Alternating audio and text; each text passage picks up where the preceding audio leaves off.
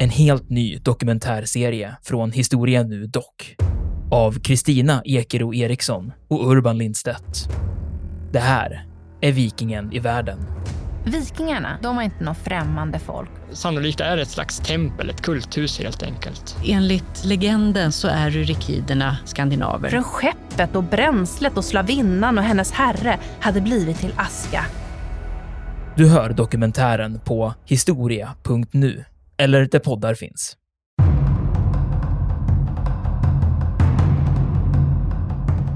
Amerikanerna är ju inte med i kriget här inledningsvis. De kommer ju in i ett senare skede, i slutet av 41. Men de samarbetar ju med konvoj, så att säga neutralitetsvakt om man uttrycker sig så. Och kanadensarna finns också med här. Det gäller ju liksom att jobba tillsammans med flyg stöd och med konvojer och fartyg för att lotsa de här konvojerna över de här farliga Atlanten. Och det fanns sådana här, om jag var säga det, sådana här black spots där man liksom inte hade något skydd. Och britterna var inledningsvis oerhört bekymrade över hur taffliga kanadensarna var i inledningen av, eller första hälften av kriget. Därför de hade inte samma förmåga, de hade inte samma flotta.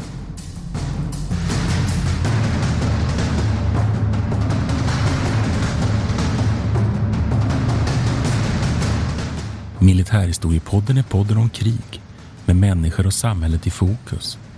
Programledare är Martin Hårdstedt, professor i historia vid Umeå universitet och Peter Bennesved, doktor i idéhistoria. Podden ges ut av förlaget Historiska Media. Stöd gärna MH-podden via vårt swishnummer 123 610 76 68. Märk betalningen med MH-podden.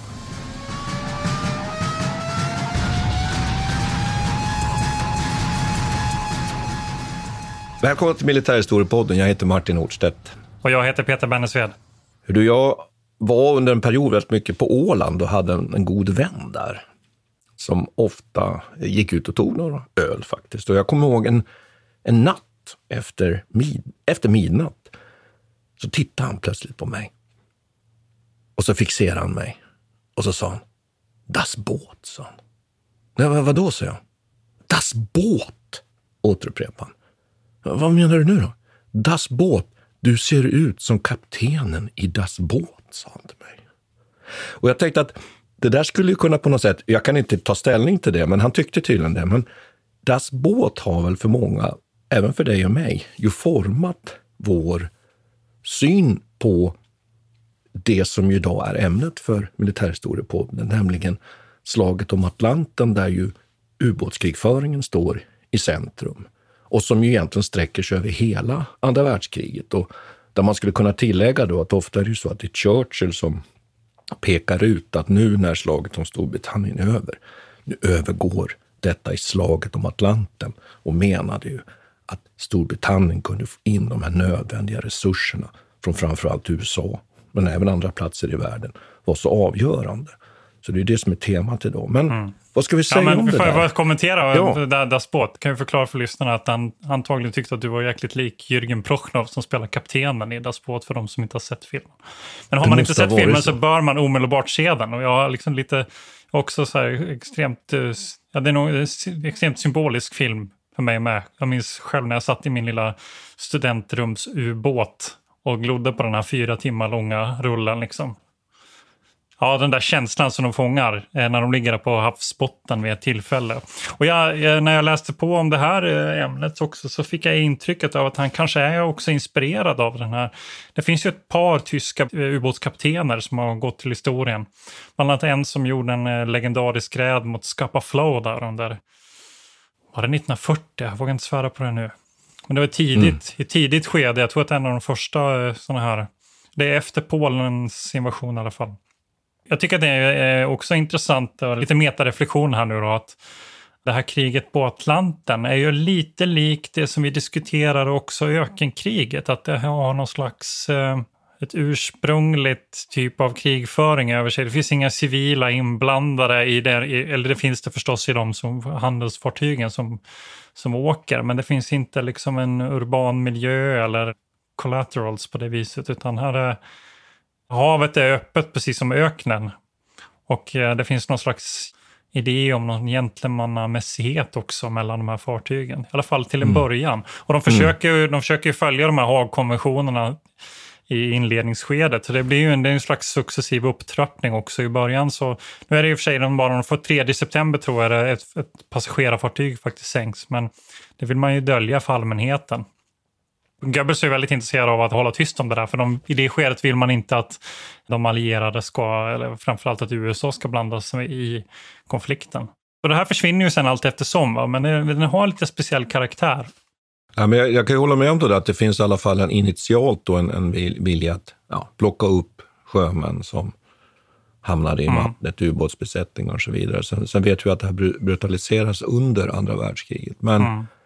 jag tycker att det finns ju en, en mytologisering och kanske romantisering kring det här tyska ubåtsvapnet. Och, eh, man kan ju konstatera att tre fjärdedelar av besättningarna dör. Och det börjar ju med att man inte har så mycket ubåtar.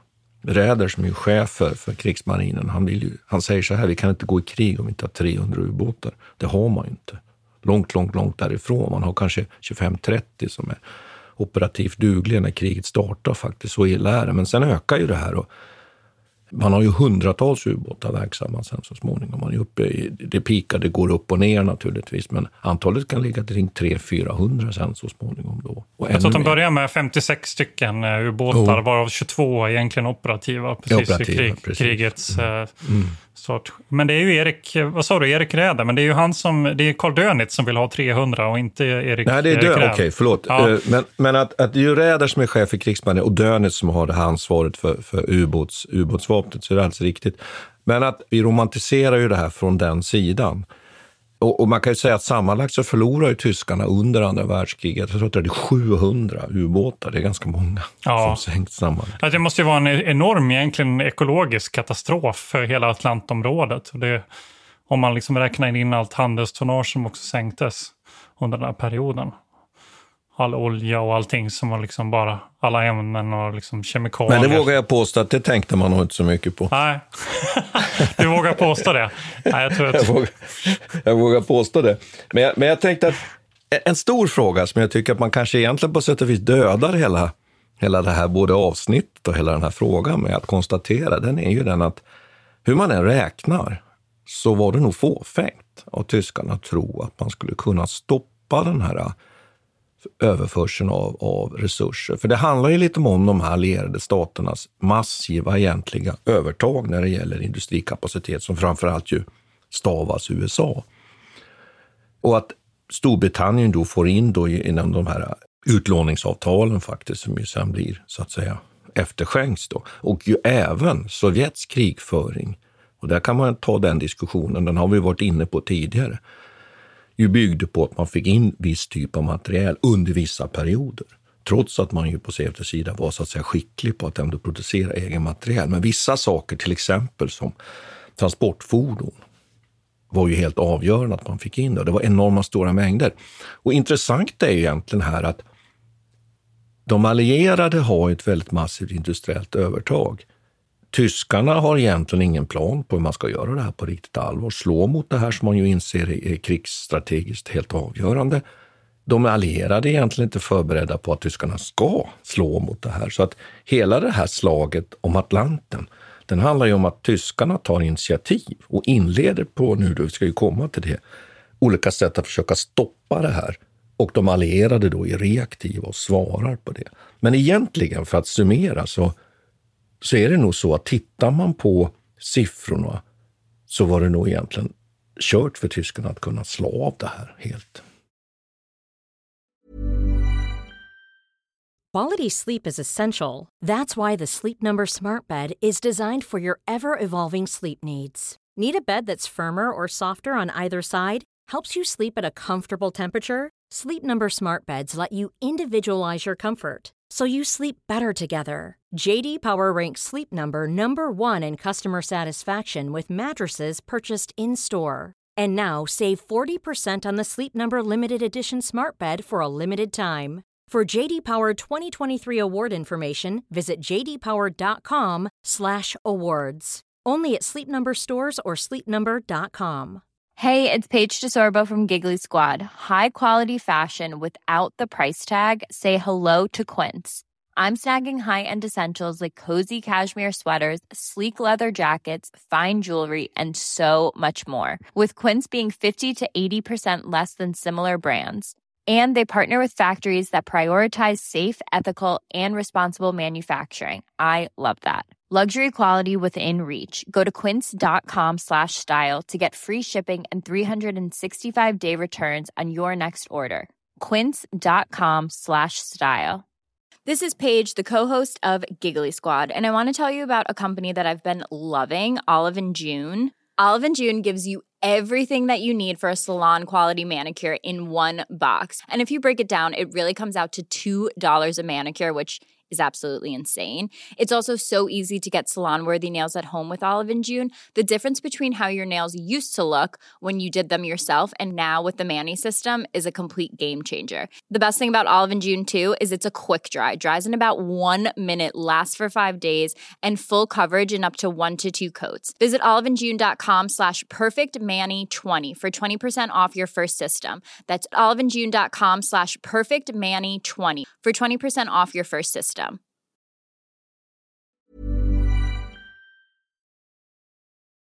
Det är ju intressant när eh, det som du säger, eh, de tar initiativet här. Men jag undrar, det, är det så att man är, är lite för fast i den här idén om att man bara tar sig till Atlanten så är det klart sen? För att analysen från första världskriget, jag kommer ihåg att vi pratade om det här i avsnittet som vi gjorde om Bismarck också för ganska länge sedan nu. Men där, där pratade vi lite om de här ytstridsfartygen och vad syftet med dem och varför man vill ut i Atlanten. Och, och analysen man gör tidigt är ju just att vi måste ut i Atlanten för att kunna stoppa Storbritannien, för att kunna isolera dem. De är ändå beroende av havet. Om vi kan vara där ute så, så kommer vi kunna lösa det, kommer vi tvinga freden på dem och då vill man ju ha de här Biscayabukten om man vill ha Trondheim för att kunna konstruera det här området. Men jag vet inte, kanske, alltså nu frågar jag dig här också, eller bara som en tanke som slog mig, kanske är det så att man också saknar en plan vad som sker efter det. Alltså man har hela tiden siktat på att ja, vi måste nå dit, men sen när det gick bra, så har man löst de här uppgifterna, så har man inte riktigt tänkt ut hela vägen vad det här faktiskt ska leda till. Och, och sen har man ju, får man ju komma ihåg också att man inte räknar med ett krig som ska pågå i fem år. Nej, det är ju inte, liksom, det, är inte det som är Karl Dönitz plan här eller Hitlers plan eller så, utan det, det är ju någonting som ska gå över betydligt snabbare. Ja, det här handlar ju om de stora frågorna. Det är ju, det är mm. ju så att säga marinfolket i det tyska eh, högkvarteret. De tänker på ett annat sätt. De tänker ju här att det här är viktigt och att de här ytfartygen ska ju framförallt inte användas för att möta den brittiska flottan och motsvarande fartyg, utan det är ju det här man har tänkt sig, att man ska använda dem så att säga för det insåg man från första världskriget att det här var så väldigt betydelsefullt och att man ändå tog med sig in i andra världskriget den här eh, erfarenheten av det, det, det oinskränkta ubåtskriget. Då. Så det här hade man ju med sig. Men jag håller med dig om att man nog inte egentligen var förberedd på att överhuvudtaget ta sig an det här. Och, eh... Nej, det verkar inte som att de har gjort analysen hela vägen. Men jag undrar också Storbritannien på sin sida som håller på, som lägger ner en väldig massa eskortfartyg under mellankrigstiden. Och så kommer man komma ihåg också att det finns ett antal konventioner som skrivs på här under mellankrigstiden som mm. också bestämmer mm. hur stora fartygen ska vara och hur mycket tonnage man får ha sammanlagt och så, här. så de, och till viss mån försöker man ju hålla det. Jag tror att i alla fall Storbritannien och Tyskland också försöker hålla det. Alltså, men så, i hemlighet utbildar man ubåtspersonal och sådär. Så att det där är, ligger ju lite i bakgrunden också, att man gör en annan typ av kalkyl och sen så när det väl bränner till, ja då måste man liksom stöpa om planen helt och hållet och då tar det några år innan man är där. Och Räder, han uttrycker ju saken så här att flottan är så liten, krigsmarinen är så liten, att det enda vi kan göra är egentligen att dö ärofullt. Det är ju mm. hans inställning. Men sen hittar man då sen så småningom då ett användningsområde. Och så ska vi komma ihåg också att till exempel ockupationen av Norge återlåter ju den tyska flottan. Men du nämnde de här restriktionerna under mellankrigstiden. Och det kan man väl för att liksom spela in oss nu lite på det här händelseförloppet här, att en av de första händelserna som inträffar, som kanske inte hade så stor betydelse, men som blev väldigt mycket publicering kring i tidningarna och i ny, blev nyhetsstoff, det var ju den här eh, fickslagskeppet Graf Speer. Det byggdes ju ett antal ja, sådana, bland annat Scheer och Graf ja. Speer, som byggdes med de här Versaillesfredens konvention, att de fick det vara si och så stor, ja du vet så. Så att små slagskepp skulle man kunna säga och, och just hur det här Graf Speer då stoppas, skadas och kommer att bli fången där nere vid Montevideo på, i, i Sydamerika. Och hur, man, hur tyskarna sen så småningom då fattar beslut om att tänka borra sitt eget fartyg i sank då för att det inte ska ta Är det utanför Uruguay eller något sånt där? Ja, det, det är ju alltså... Långt bort. Ja. ja, det är ju River Plate helt enkelt, Montevideo. Och det intressanta där är att det här fartyget inleder ju då så att säga den första fasen av det tyska försöket att stoppa den här handeln över Atlanten. Att man försökte verka med de ubåtar man hade, men framför allt egentligen i, i, i den nära vattnen kring Storbritannien. Man försöker komma åt med flyg, men att man då släpper ut den här typen av, vad ska vi kalla det för, task forces eller, eller enskilda fartyg eller ripar som samverkar och helt enkelt angriper de här konvojerna. Och den här fasen den pågår ju åtminstone fram till dess att Bismarck ju sänks, som vi har konstaterat i ett avsnitt som vi har spelat in i maj 1940. Sen skickas det ut ett antal, görs ett antal ytterligare försök, men man kan säga att den här stora kraftansträngningen att använda de här stora ytfartygen, den, den ebbar så att säga ut i stor utsträckning efter att Bismarck sänks. Så vad opererar man ifrån då? Jo, det viktiga var att man tog ju i maj 40, april och maj 40 så fick man ju de här Atlanthamnarna. Och det är ju någonting som, du var ju inne på första världskrigets erfarenheter, det är ju någonting man inte har under första världskriget. Utan egentligen kan man ju säga att de här landerövringarna, även om man inte haft den här planeringen inledningsvis över hur kriget ska föras, vi, vi resonerade kring det alldeles nyss, mm. så ges det nu plötsligt ett möjlighet här. Aha, vi har ju Atlanthamnar, Trondheim, Brest och så vidare där vi kan ha ubåtar, där vi kan ha ytfartyg och vi kan släppa ut dem på Atlanten, så öppnas ju plötsligt en möjlighet som inte fanns under första världskriget. Sen att tyska krigsmarinen var underdimensionerad för det här, det är ju så att säga en annan sak. Så att man kan ju fundera lite kring egentligen, som du ju var inne på alldeles riktigt, att hur långt var egentligen tänket? Det var ju mm. väldigt mycket en ad hoc Ja, men precis. Och både, alltså, ofta, ofta ja. säger man ju så här också att ja, Karl Dönitz hade en plan. Erik Räder var emot hade liksom Carl Dönitz släppts fram tidigare så hade de kanske haft de här 300 ubåtarna. Då hade kanske utgången varit en annan. Men, men där ville man ju återigen det säger det precis som du säger här, att ja, även om de har haft sina 300 ubåtar så är det som att båda planerna var rätt dåliga från början. Oavsett vad de ville göra, för att det här är omöjligt. Det var produktionstakten på den amerikanska sidan är ju så hög att det går liksom inte att... De klarar inte av att matcha den ändå. Nej, och det var väldigt mycket egentligen, får man säga, killgissande i den tyska ja. överkommandot för att använda ett oerhört modernt ett, uttryck. Ett begrepp som, som alldeles nyligen har nått Finland har jag förstått. Jo, precis. Och därför jag tänkte, och tyskarna de, de gjorde någon sorts beräkning på att vi måste sänka 750 000 ton tonnage eh, per månad. Då kommer vi knäcka britterna. Det var deras uträkning. Den stämde ju inte som du var inne på här, kapaciteten var ju mycket större på den allierade sidan. Och britterna, de sa så här, de visste inte heller. Så de sa så här, vi behöver 47 miljoner ton förnödenheter per år. Men 1942 klarade de sig på hälften.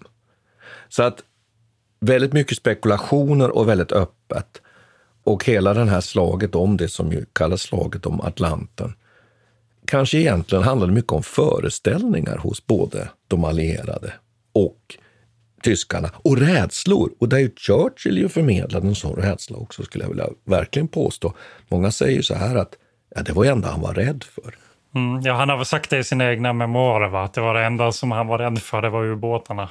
Nej, men visst, ja, det kanske att de skulle slå av. Ja. Ja, nej, men jag tycker också att det, är, det finns något tveksamt i den här föreställningen. En del vill ju påstå att det här är liksom där andra världskriget avgörs, så är det på Atlanten. Men jag, nej, men jag håller med dig här, jag tycker att det är ganska Känns ja, det är problematiskt. Och, ja, det avgörs och, samma sekund som, som Hitler invaderar Polen. Det är då det avgörs. För det var liksom... All... Ja, ja, men det är ja, en annan, det, det, jo. men, men jag, tyck, jag tycker ju så här ja. att, att en, en sak som är intressant när det kör igång här. Det är ju maj 40 och sen kommer ju slaget om Storbritannien på hösten 40 och sen börjar ju det här slaget om Atlanten på, på riktigt, riktigt allvar. Och ett av de stora problemen då för britterna inledningsvis, det var att tyskarna nådde ju med flyg många av de här hamnarna som ju fanns i Engelska kanalen. Och, så att man hade nästan ett år under 1941 eh, att liksom styra om och bygga nya hamnanläggningar för att kunna ta in de här resurserna utanför då det tyska flygets räckvidd. Och det, det tycker jag är en sån här intressant sak. Och sen kan man också säga att man börjar ju ganska tidigt att förstå att vi behöver någon form, form av konvojsystem och vi behöver också skyddsfartyg. Så man behöver, det är ju framförallt det man behöver hjälp med från amerikanerna och det ingick ju i de här låneavtalen tidigt här, nämligen mycket jagare till exempel. Ett fartyg som var väldigt bra att använda för att eh, ubåtsbekämpning. Då. Så att här inleder ju så att säga hela den här tiden nu först här. Och sen är det väl bara att konstatera då att den första perioden av den tyska ubåtsflottans glada dagar, så att säga, den är här inledningsvis när, när de allierade inte riktigt är förberedda. Och då är vi inne på 40-41 i den första perioden. Men sen händer ju någonting som gör då att det blir svårare och svårare för tyskarna. Och det är ju inte minst underrättelsefrågan här, som, jag, som vi inte ska fördjupa oss i här, för det tänkte vi ha ett, ett e- eget avsnitt om. Men det är ju att man faktiskt knäcker då den tyska signaleringen. Det är ju den här äh, kodmaskinen Enigman och det, det som kallas då för liksom Ultra, den här äh, signaleringen. Och det börjar med att man faktiskt då i, i juni 1941 så tar man en ubåt, U110, där man hittar de här kodböckerna och kan börja nysta upp det här. Och sen har man en massa annan information. Och det kanske räcker här med att vi konstaterar att man, man knäcker koderna och då kan man ju plötsligt, då vet man hur tyskarna tänker, var de tyska ubåtarna i stor utsträckning befinner sig. Men det här Martin, det vill jag ifrågasätta. Alltså jag vet att du är väldigt förtjust i Enigma. Älskar Men alltså, Enigma. Ja, jag vet. Och vi har ju pratat om det här eh, ganska mycket. Men jag vet inte riktigt, är det... Eh, jag, jag, skulle vilja ifrågasätta det i den bemärkelsen att ja, okej, okay, Enigma är viktigt. Men det, det man använde det till var ju framförallt att styra om konvojerna. Jo, jo, absolut, det håller jag med om. Men det är, väl, ja. det är väl samma sak i, ja, i, i på sätt och vis, va? men det bekämpar inte ubåtarna. Men det som, det som verkligen är, som jag vill hävda, är den stora landvinningen, är ju den här radarn som man sätter sen på flygplanen. Och som man också har på båtarna. Och att man har flera olika tekniker här egentligen. Man börjar, britterna börjar med sitt, sitt ASTIC-system, ett slags pejlingssystem, sonarbaserat pejlingssystem. Men det, det visar sig vara ganska dåligt. Sen så får man den här, en, en ny radar. Man har också ett system som heter Haftaf som också är ett radiopejlingssystem för att lokalisera båtarna. Och det där skulle jag vilja påstå är betydligt mer avgörande. Det kan man ju se på statistiken också. Att när man inför den här radarn som man är flygburen, som flygplanen direkt kan kommunicera ner till ytstridsfartygen och säga där och där och där befinner sig ubåtarna. Det är då som det verkligen börjar dala för tyskarna. Men man kan ju säga att kombinationen av de här sakerna är förstås ja, viktiga. tack. Och det är väl det jag skulle vilja säga. Och därför att det finns ju också ett sätt att argumentera. Ja. Så man kan säga att det kommer ja. en peak då i början på 1941. Då är det så att säga den här tyska ubåtsvapnets, om man säger det då, glada dagar. Och vad är det nu för konvojområden? Jo, det är framförallt väster om de brittiska öarna inledningsvis nu som man slår. Men också neråt Afrika, det tycker jag kan vara lite intressant att ha klart för sig utanför Sierra Leone. Alltså att det finns sådana här konvojvägar som man kanske inte direkt spontant tänker på. Utan den här tillförseln av förnödenhet, att många fartyg sänks där. Och tittar man på kartor över hur många fartyg som sänks sen och sammanfattningsvis är det oerhört mycket fartyg som till exempel sen sänks norr om den sydamerikanska kontinenten och också utanför den amerikanska östkusten. Så det, det, är inte bara koncentrerat nu liksom till de östatlantiska vattnen och det är viktigt att se. Men någonting som ju sätter igång efter sommaren då 1941, det är ju eh, Nazitysklands anfall på Sovjetunionen, det är ju att man börjar med de här konvojerna till Murmansk. Och där kan man väl diskutera i termer av krigsavgörande eller krigspåverkande konvojer. Och de sätter igång då under andra hälften av 1941 och då gör man det under en period då ju det tyska ubåtsvapnet är nedtryckt, precis av de skäl som vi har varit inne på här. Man har goda underrättelser, det är radar, man börjar samordna de här konvojerna. Jag skulle vilja tillägga en sak också här som jag tycker är väldigt spännande när man läser om det här, att, som man ofta glömmer bort, att amerikanerna är ju inte med i kriget här inledningsvis. De kommer ju in i ett senare skede, i slutet av 41. Men de samarbetar ju med konvoj, så att säga neutralitetsvakt om man uttrycker sig så, och kanadensarna finns också med här. Det gäller ju liksom att jobba tillsammans med flygstöd och med konvojer och fartyg för att lotsa de här konvojerna över den här farliga Atlanten. Och det fanns sådana här, om jag får säga det, sådana här svarta black spots där man liksom inte hade något skydd. Och britterna var inledningsvis oerhört bekymrade över hur taffliga kanadensarna var i inledningen av, eller första hälften av kriget. Därför de hade inte samma förmåga, de hade inte samma flotta och så vidare. Så det här finns också med nu, att det här byggs ju upp och det blir naturligtvis svårare och svårare för tyskarna att komma åt de här konvojerna. Mm. Efter I ishavet så spelar ju också hangarfartygen en ganska stor roll. tycker jag också är en intressant faktor ja. där. Det har vi tidigare diskuterat också, jag återkommande bara referera till gamla avsnitt. Men när vi diskuterar Stilla havet där så säger man ju gärna att eller lärdomen har ju ibland varit då att, att hangarfartygen spelar störst roll på Stilla havet och väldigt stora öppna hav. Men här ser vi också att hangarfartygen spelar en väldigt stor roll i själva ubåtsjakten. Och det är ju avgörande att amerikanerna kan ta med sig de här eh, hangarfartygen och ganska lätt slå ut spaningsflyg, tyska eh, spaningsflyg som kommer, men också bekämpa ubåtarna direkt som kommer. Man kan också fråga sig där, en, en, ibland så upplever jag att, att det här konvojkriget, eller vad man ska kalla det, som sker på väg till Murmansk, att det är någonting lite annorlunda från slaget om Atlanten. Jag vet inte, håller du med om det? Eller kan man, kan man köra ihop dem? Eller? Jag tycker det. Jag tycker det, därför att det är ju liksom en helhet där, skulle jag ju tycka. Därför att, mm. Nej, men, men det, det är vissa jag. slag liksom som har varit, som blivit, det här slaget i Barents hav 31 eh, december 1941 tror jag, som är ett stort misslyckande för tyskarna egentligen. Mm. Där ett par mm. brittiska skepp lyckats hålla undan en hel sån här anfallsskador. Och det är för övrigt efter det som Erik Räder avsätts och Karl Dönitz tar över. Eh, också så här, så det har ju, det har ju en egen, lite egen karaktär där uppe också. Och sen i litteraturen så beskrivs det som att ja, det här kriget där uppe, det tonar ut i och med att slaget om Atlanten blir mer aktuellt. Att man, tyskarna helt enkelt drar iväg, drar bort sina ubåtar därifrån för att fokusera då på Atlanten istället och väster om Storbritannien. Hi, I'm Daniel, founder of Pretty Litter. Cats and cat owners deserve better than any old-fashioned litter. That's why I teamed up with scientists and veterinarians to create Pretty Litter. Its innovative crystal formula has superior odor control and weighs up to 80% less than clay litter. Pretty Litter even monitors health by changing colors to help detect early signs of potential illness. It's the world's smartest kitty litter. Go to prettylitter.com and use code ACAST for 20% off your first order and a free cat toy. Terms and conditions apply. See site for details.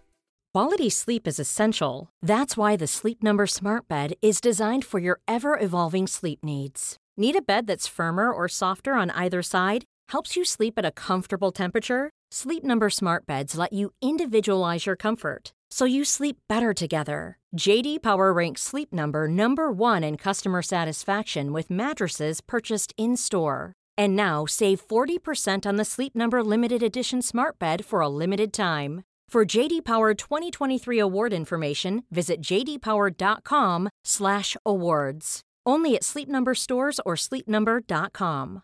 Normally, being a little extra can be a bit much, but when it comes to healthcare, it pays to be extra and United Healthcare makes it easy with Health Protector Guard fixed indemnity insurance plans. Underwritten by Golden Rule Insurance Company, they supplement your primary plan, helping you manage out of pocket costs without the usual requirements and restrictions like deductibles and enrollment periods. So when it comes to covering your medical bills, you can feel good about being a little extra. Visit uh1.com to find the Health Protector Guard plan for you. Man kan väl ändå konstatera att man börjar på tysk sida så småningom att utveckla den här vargflocktaktiken. Den kommer ju att gälla från 41 och över hela 42. Och så småningom så ebbar den ut därför att eh, man får för stora förluster därför att de allierade lär sig att hantera det. Det kan vi återkomma till. Men jag tycker man kan säga någonting om den här vargflocktaktiken. Att den gick ju helt enkelt ut på att man ju verkade tillsammans i vargflockar som det, som det heter. Och när då en av de här ubåtarna, då via då dels underrättelse som de fick, det var ju mycket eh, sekretess liksom kring den här eh, meddelandet som skickades till ubåten. Det gick ju inte liksom att ha direktkontakt med dem hela tiden, kunde de bli pejlade och så vidare. Men, men de fick viss information då med viss regelbundenhet, men också att de kunde meddela varandra. Och när då en sån här eh, ubåt fick känning, ah, här har vi en konvoj, då samlade man sig kring den här konvojen. Och nu kommer det intressanta här, att man anföll konvojen då på natten. Och då tar man sig in ibland de här fartygen, smugglar sig liksom vid, förbi skyddsfartygen och sen sänker man alltså helt enkelt de här fartygen ungefär som motortorpedbåtar i ytläge under natten. Och det här var ju då inledningsvis oerhört effektivt. Och apropå Das Båt så får man ju en inblick i den här taktiken, skulle jag vilja påstå, just under en sån här nattlig strid är ju faktiskt... Men du Martin, får jag göra en, ja. ett utvik om ubåtarna nu då? Det känns som att vi har missat det. Ja, ska jag ta det efter? är det dags för ubåtarna nu? Ja, men jag får tänka att det anknyter så, ja. så bra till det du säger ja. där. Dels när du börjar prata om vargflockstaktikerna, för det är ju också... Att man i ytläge ja, och sådär. Ja. Precis, och det anknyter till det jag sa innan också om att Karl Dönitz tar över och nu är man i ett läge där man har samlat ihop de här 300 båtarna, ubåtarna som man tänker sig att man behöver. Så det är då man, då man kan börja använda sig av vargflockstaktiken. Så det är ju en viktig aspekt. Får jag, får jag lägga till en sak ja, innan du säger det? Att, det som man gör, att skälet till att man misslyckas från tysk sida, det är ju att man försöker ju anfalla nu då konvojer som är ganska väl skyddade. Och att de här följefartygen, okej, okay, visserligen i vissa fall ju sänks. Så ett av de här mest då så att säga berömda tillfällen, då, och nu gäller det ytfartyg då, men där, där sänks då ett, ett fartyg som heter US Bay, HMS US Bay, som sänks då av Cher, men Cher ändå lockas bort och konvojen räddar sig. Och samma sak återupprepas då med de här ubåtsattackerna, att de här följefartygen lyckas hålla emot och kanske till och med sänka ubåten. Och då övergår man till vargflågstaktiken. Men, eh, så att det är ju det då, och, och, det är därför som du säger att det blir det här bytet då på så att säga, krigsmarinchefsposten också, därför att man måste komma in någonting nytt. Och sen, men kör med, med ubåtarna. Här. Ja, Nej, men för att du sa någonting intressant där, att man anfaller som motortorpedbåtar. Mm. Och där, det, det var, var min som, tolkning. Det ja, var min nej, men, det, men det, var, och det var väldigt bra faktiskt. För det är precis det som jag tycker är poängen också, man ska komma ihåg. Om man nu ska måla upp en, eh, när vi ändå snackar om det här, alltså måla upp en liten bild av vilken typ av krigföring det är, faktiskt är som sker då på havet. Man kan ju säga att det här är ju inte någon, slags eh, jakten på röd oktober eller någon slags kalla krigsperspektiv, utan det här är en ganska simpel, ganska primitiv typ av sjökrigföring faktiskt. Och de här ubåtarna som Tyskland har i det här skedet, de kan egentligen bättre beskrivas som dykbåtar. Då är det inte dykbåtar i modern mening, sådana som man liksom gör eh, simturer i, i i lugna vatten och undersöker vrak, utan då är det dykbåtar i den meningen att de attackerar, precis som du har beskrivit här, i ytläge, släpper iväg sina torpeder och sen så dyker de, egentligen bara för att undkomma moteld. Och i, under vatten så kan de inte gå så djupt och de kan heller inte vara under vatten särskilt länge. Och det har lite att göra med hur själva motorerna ser ut. Oftast är det ju dieselmotorer som de har i ytläge och sen har man batteridrift i undervattensläge. Men det här batteriet räcker inte hur länge som helst, utan man måste ganska snart ta sig upp. Och dels så går de inte så pass djupt, så det går ju att spåra dem delvis. Och den här historien tycker jag är ganska intressant, för att eh, den här typen av ubåt är egentligen inte relaterad till det som man normalt brukar tänka, liksom USS Monitor, de här gamla från 1860-70-talet, som man använde under Eh, amerikanska inbördeskriget. Och. För övrigt designas av en svensk som heter John Eriksson. Men de var ju mer nedsänkta ytstridsfartyg. Men den förlagan till den här tyska dykbåten, det är ju precis det som du sa, alltså en torpedbåt egentligen. Som utvecklas under också slutet av 1800-talet, som var tänkt att den skulle vara snabb, gärna eh, med motorkraft då, ta sig in, ta sig emellan och sen bekämpa stora ytstridsfartyg genom att komma dem in på livet och fyra av en torped. Som också är en ganska ny uppfinning. Och det är ganska viktigt, så att den är, det är egentligen inte, ubåten ska egentligen inte av det här slaget betraktas som en vad ska man säga, ett stort slagskepp under vatten. Utan det är mer en, en ytstridstorpedfartyg som sänks snabbt. Sen är det ju först under slutet av kriget som man inför, man får tag på, eller kan installera snorklar och, som gör att du kan köra på, på dieselmotorer även under vatten under längre tid. Då kan ju båtarna vara nere i en månad i undervattensläge. Och när de spanar, va? så det är otroligt primitivt. Det är de här officerarna, de sitter liksom uppe i ubåtstornet med kikare. Ungefär som en stridsvagnsofficer och bara ditåt, liksom. I den riktningen. Och det här ser man ju också i, i Das Båt. Eh, när Jürgen Prochnow finns en legendarisk scen när han kliver upp där och skriker och man hör liksom flygplanen komma ovanifrån och så där de gör sin räd. Liksom. Så det är oerhört primitivt och det är svårt att se och det är därför de också går upp under natten. För att de inte ska bli sedda av eskorten. Nu kan du få säga någonting. Jag har Jo, mer att säga. Men du, ja. Nej, men jag skulle bara tillägga att de här sista Ja. modellerna, som är fantastiskt sofistikerade ubåtar som utvecklas av tyskarna, de hinner ju aldrig sätta sig in i kriget. Och, och där har man ju spekulerat kring vad hade hänt då. För man utvecklar ju de här, de här typerna då, 21 och 23, för nära kustoperationer och för eh, oceanoperationer. Och som ju du säger hade den här snorkeln och möjlighet också att gå ner till flera hundra meters djup. Och det kan man ju diskutera i det oändliga, men det är precis som du säger att man får inte tänka någon, någon atomubåt. Det tror jag, Nej, tror jag verkligen inte. Jag menar, och det är likadant, bekämpningen av de här är ju lika primitiv den. Det handlar ju om utkikare som sitt, står Mm. uppe på båtarna och bara med kikare och tittar va? och försöker identifiera dem tills man får den här radarn. Och den här möjligheten att börja pejla på ett helt annat sätt. Och, så, och det är ju där. På det viset är det ju ett väldigt intressant, en snabb övergång från en väldigt primitiv typ av torpedkrigföring där man satsar allt på ett kort, skickar iväg sina torpeder och drar därifrån till att bli betydligt mer sofistikerad med djupgående och långa undervattenslägen eller möjligheter till det och torpeder med- av ett annat slag och man har också radar och motbekämpning och sjunkbomber och all, en väldigt stor teknisk förändring som sker successivt. Och, och en anledning till att man också har, kan pejla dem det är ju för att de här ubåtarna i vargflocken, de måste ju kommunicera med varandra. Så de kommunicerar ju hejvilt med radio fram och tillbaka och på det viset plockar man upp dem. Ja, det finns många sådana intressanta aspekter i den här krigföringen. Och, och sen vädret spelar roll och är det mycket är det hög sjö så har man ju väldigt svårt att se saker. Spana och natten och dagen. Och så på ishavet här spelar det ju väldigt stor roll också att det är natt under väldigt långa perioder. Arktisk natt och på sommaren är det precis tvärtom. Då syns båtarna hur mycket som helst. Det är väldigt tydligt. Men jag skulle vilja konstatera då att under slutet av 41 så får man koll på så att säga de tyska ubåtarna. Men sen har vi då 1942 som är ju det stora katastrofala året ur, ur ett allierat synvinkel. Då. Dock icke liksom krigsavgörande på något sätt, men då, då sänks ju den, den absolut mesta tonnaget. Och det beror ju just på dels att man har den här vargflockstaktiken som vi har varit inne på, som fungerar då ändå förhållandevis väl. Men också att man då på, och nu får du säga emot mig då, men man har en period där man inte längre kan läsa då helt enkelt den tyska kommunikationen. Därför att man inför ett extra hjul, vi ska ta det här sen, i den här Enigma-maskinen, kodmaskinen. Och vi ska utveckla det här i nästa avsnitt. Så här, ni som lyssnar på det här då, ska ju förhoppningsvis vilja lyssna på det avsnittet.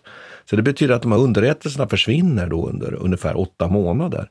Och det minskar ju naturligtvis möjligheten att liksom kunna kartlägga och hålla sig undan och lägga om rutter.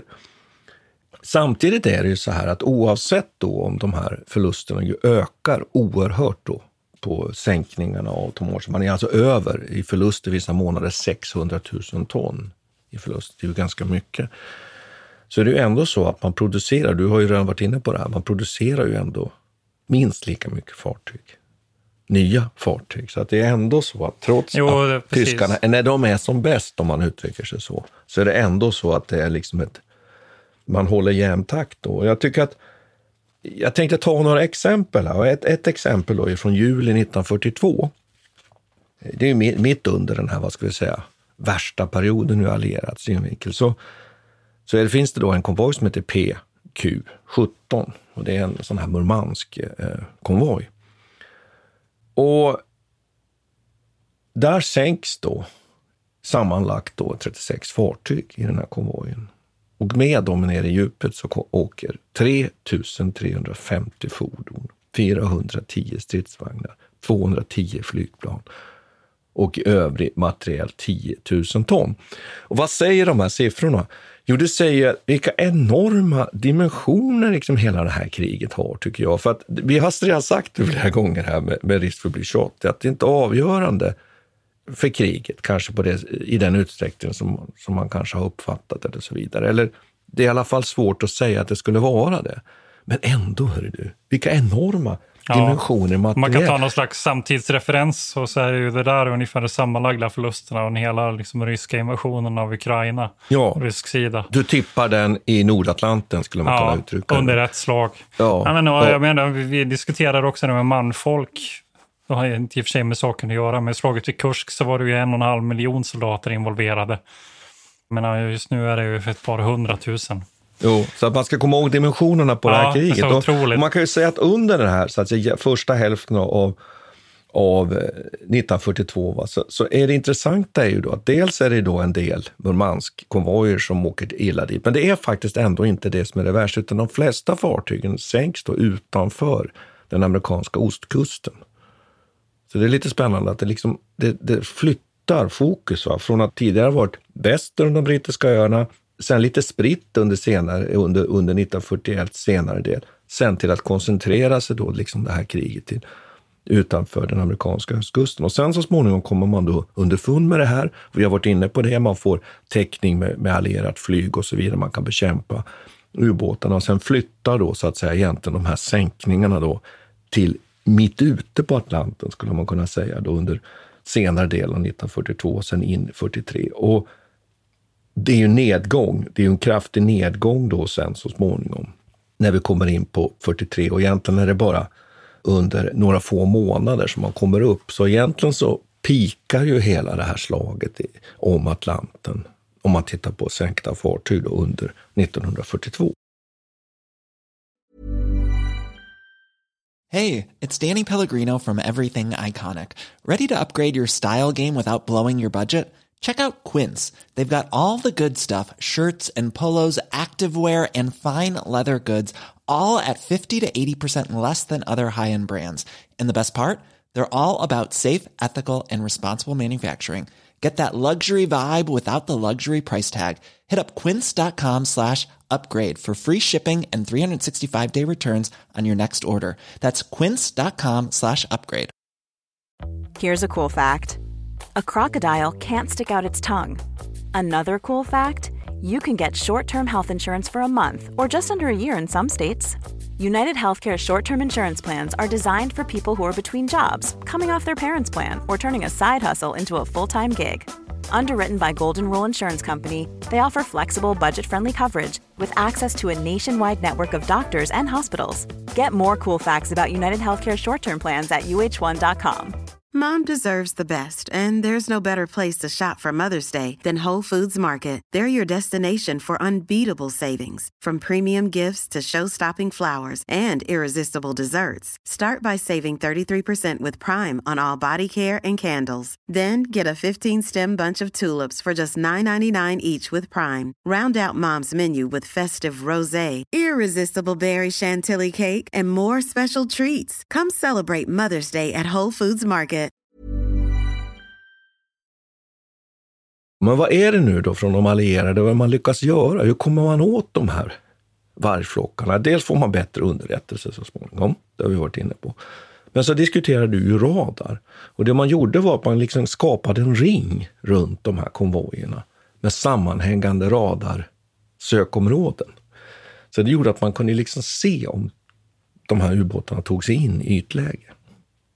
Och där kunde man, då, kunde man då bekämpa dem. Och sen också kan man lägga till att man utvecklar också flygtäckningen, skulle man kunna uttrycka det, med olika nya flygplansmodeller. Dels, dels då ett amerikanskt fartyg, den här, eh, fartyg, flygfarkost, den här B-24 Liberty, Liberators och sen också det här brittiska flygplanet Sunderland. Och det intressanta är att de här svarta spottarna, de här områdena som man liksom hade där man inte kunde skydda konvojerna. De kommer man sen så småningom, när man väl får då så att säga den flygplansmodellerna alltså som kan flyga tillräckligt långt med tillräcklig räckvidd, då kan man så småningom täppa igen alla de här hålen och vi kommer fram då till 1943. Ja, då är det ju så att dels har man, börjar man hantera själva ubåtsattackerna. Eh, ytfartygen har ju öbat ut. Jag menar, de är antingen sänkta eller inpressade i norska fjordar eller ligger i Brest eller är skadade. Och sen har man lyckats då utöka då dels den här radartekniken, man har återigen underrättelse. Och sen framför allt att man har den här flygtäckningen igen som gör att man då kan skydda sina konvojer. Sen tycker jag en sak som man skulle kunna ställa en fråga, hur många nu då fartyg sänks av tyska ubåtar sammanlagt under hela kriget? Jo, de står ju för 70 procent. Så det är ju ubåtarna som är det viktiga här. Men det intressanta är att tyskt flyg, man hade ju bland annat ett Focke-Wulf Condor, ett, ett, flygplan som var väldigt effektivt, sänker faktiskt ungefär drygt 13 procent av allt tonnage. Det är ganska mycket det. Ja. Och sen, Men är inte det sen, framförallt uppe i ishavet som de... Jag har fått intrycket som de att kommer det där, ut, jo, ja, som de kommer, de kommer från Kirkenes. Ja. Och sen också inledningsvis, inledningsvis under kriget så sänks en hel del fartyg med hjälp av tyskt flyg kring de brittiska öarna.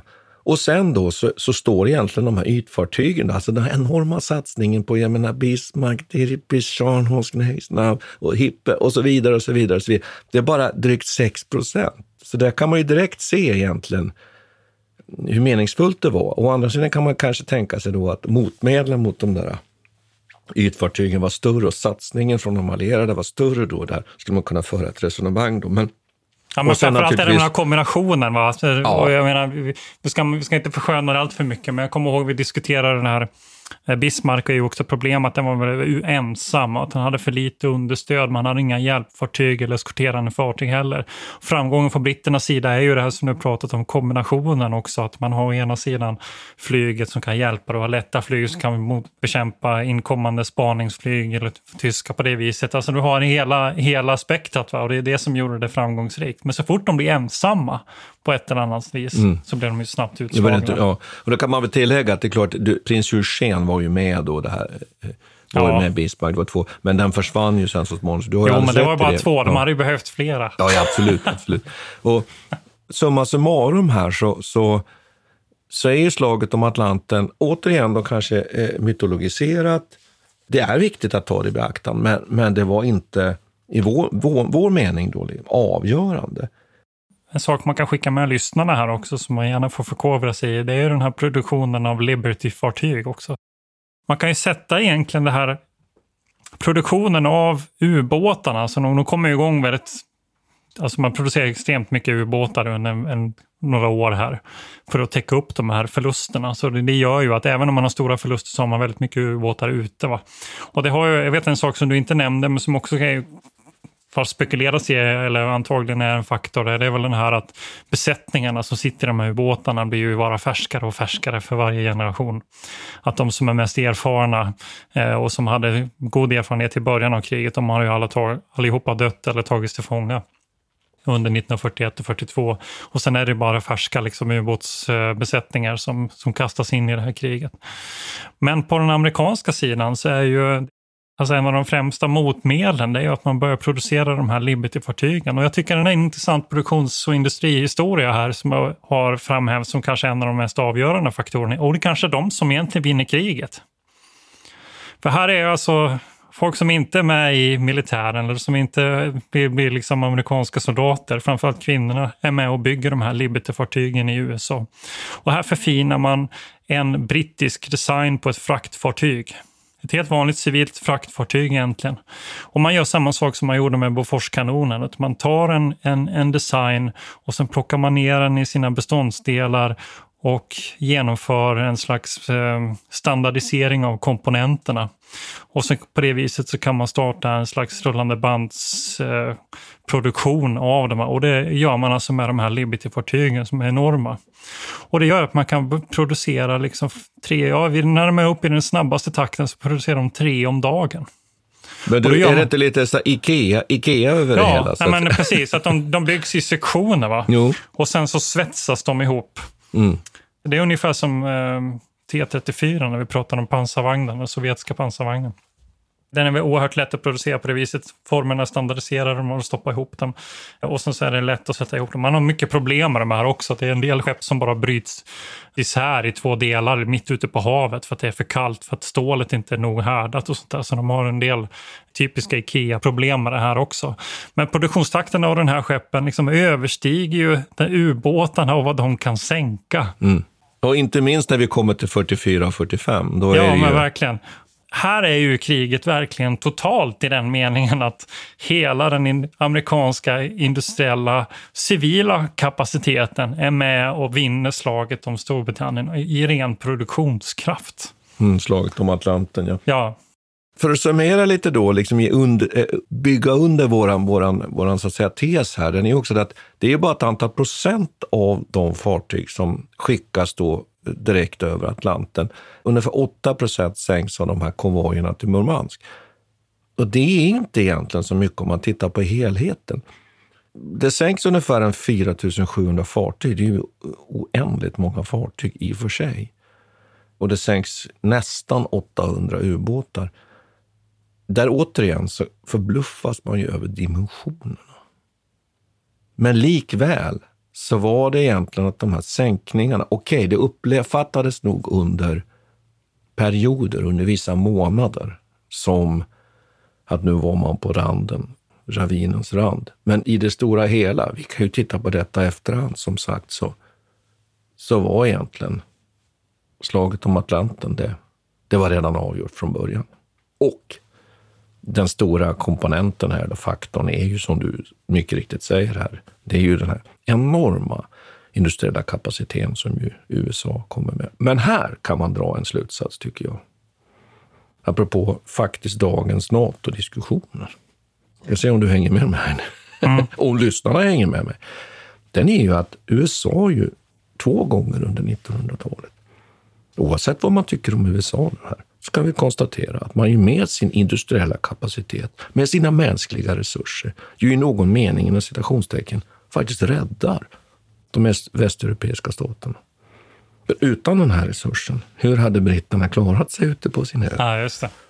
Så det, det, kan man ju ha med i bakgrunden här. Det betyder inte att det är ett argument för att vi ska gå med i Nato. Men, men när man liksom blickar med väldigt elaka ögon på USA så ska man också ha med sig den, tycker jag, historiska sammanhanget när man diskuterar detta, att vi i Västeuropa ändå i stor utsträckning har varit väldigt beroende av det där som du så fint har liksom pekat på här, nämligen att den där kapaciteten, den har vi ändå inte riktigt när vi har varit hotade. Jag vet inte, blev det, blev det en, en bra ja, avrundning här Peter? Ja, men vi har, vi är det någonting mer, är det någon mer siffror du vill att jag ska redogöra för? Nej, det är bra. Jag tycker att det är redan för mycket siffror inblandade i det där uh, I inslaget om Atlanten. Ja, men uh, det finns en viss uh, en, en, uh, autistiskt intresse för det där på något vis. No. Men jag tycker att det har sin plats ja. just för vissa dimensioner. Jag skulle bara vilja avrunda med att säga så här.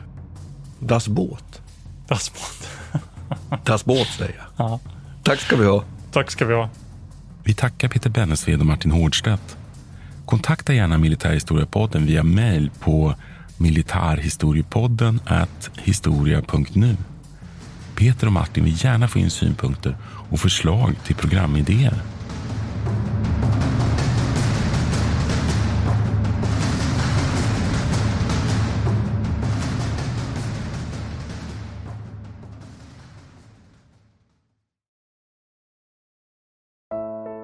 Iran har under 1900-talet genomgått tre omvälvande revolutioner som orienterat landet antingen mot västerlandets modell eller mot en auktoritär styrelseform. Idag pågår en social revolution i landet som vänder sig mot det islamistiska styret och vars anhängare har Europa och väst som förebilder. I en viktig bok ger idéhistorikern Mohammad Faslashemi en djupare förståelse för dagens dramatiska händelseutveckling. Iran mellan tre revolutioner är utgiven av förlaget Historiska Media. Beställ den fysiska boken på förlagets hemsida historiskamedia.se eller köp den i en bokhandel nära dig.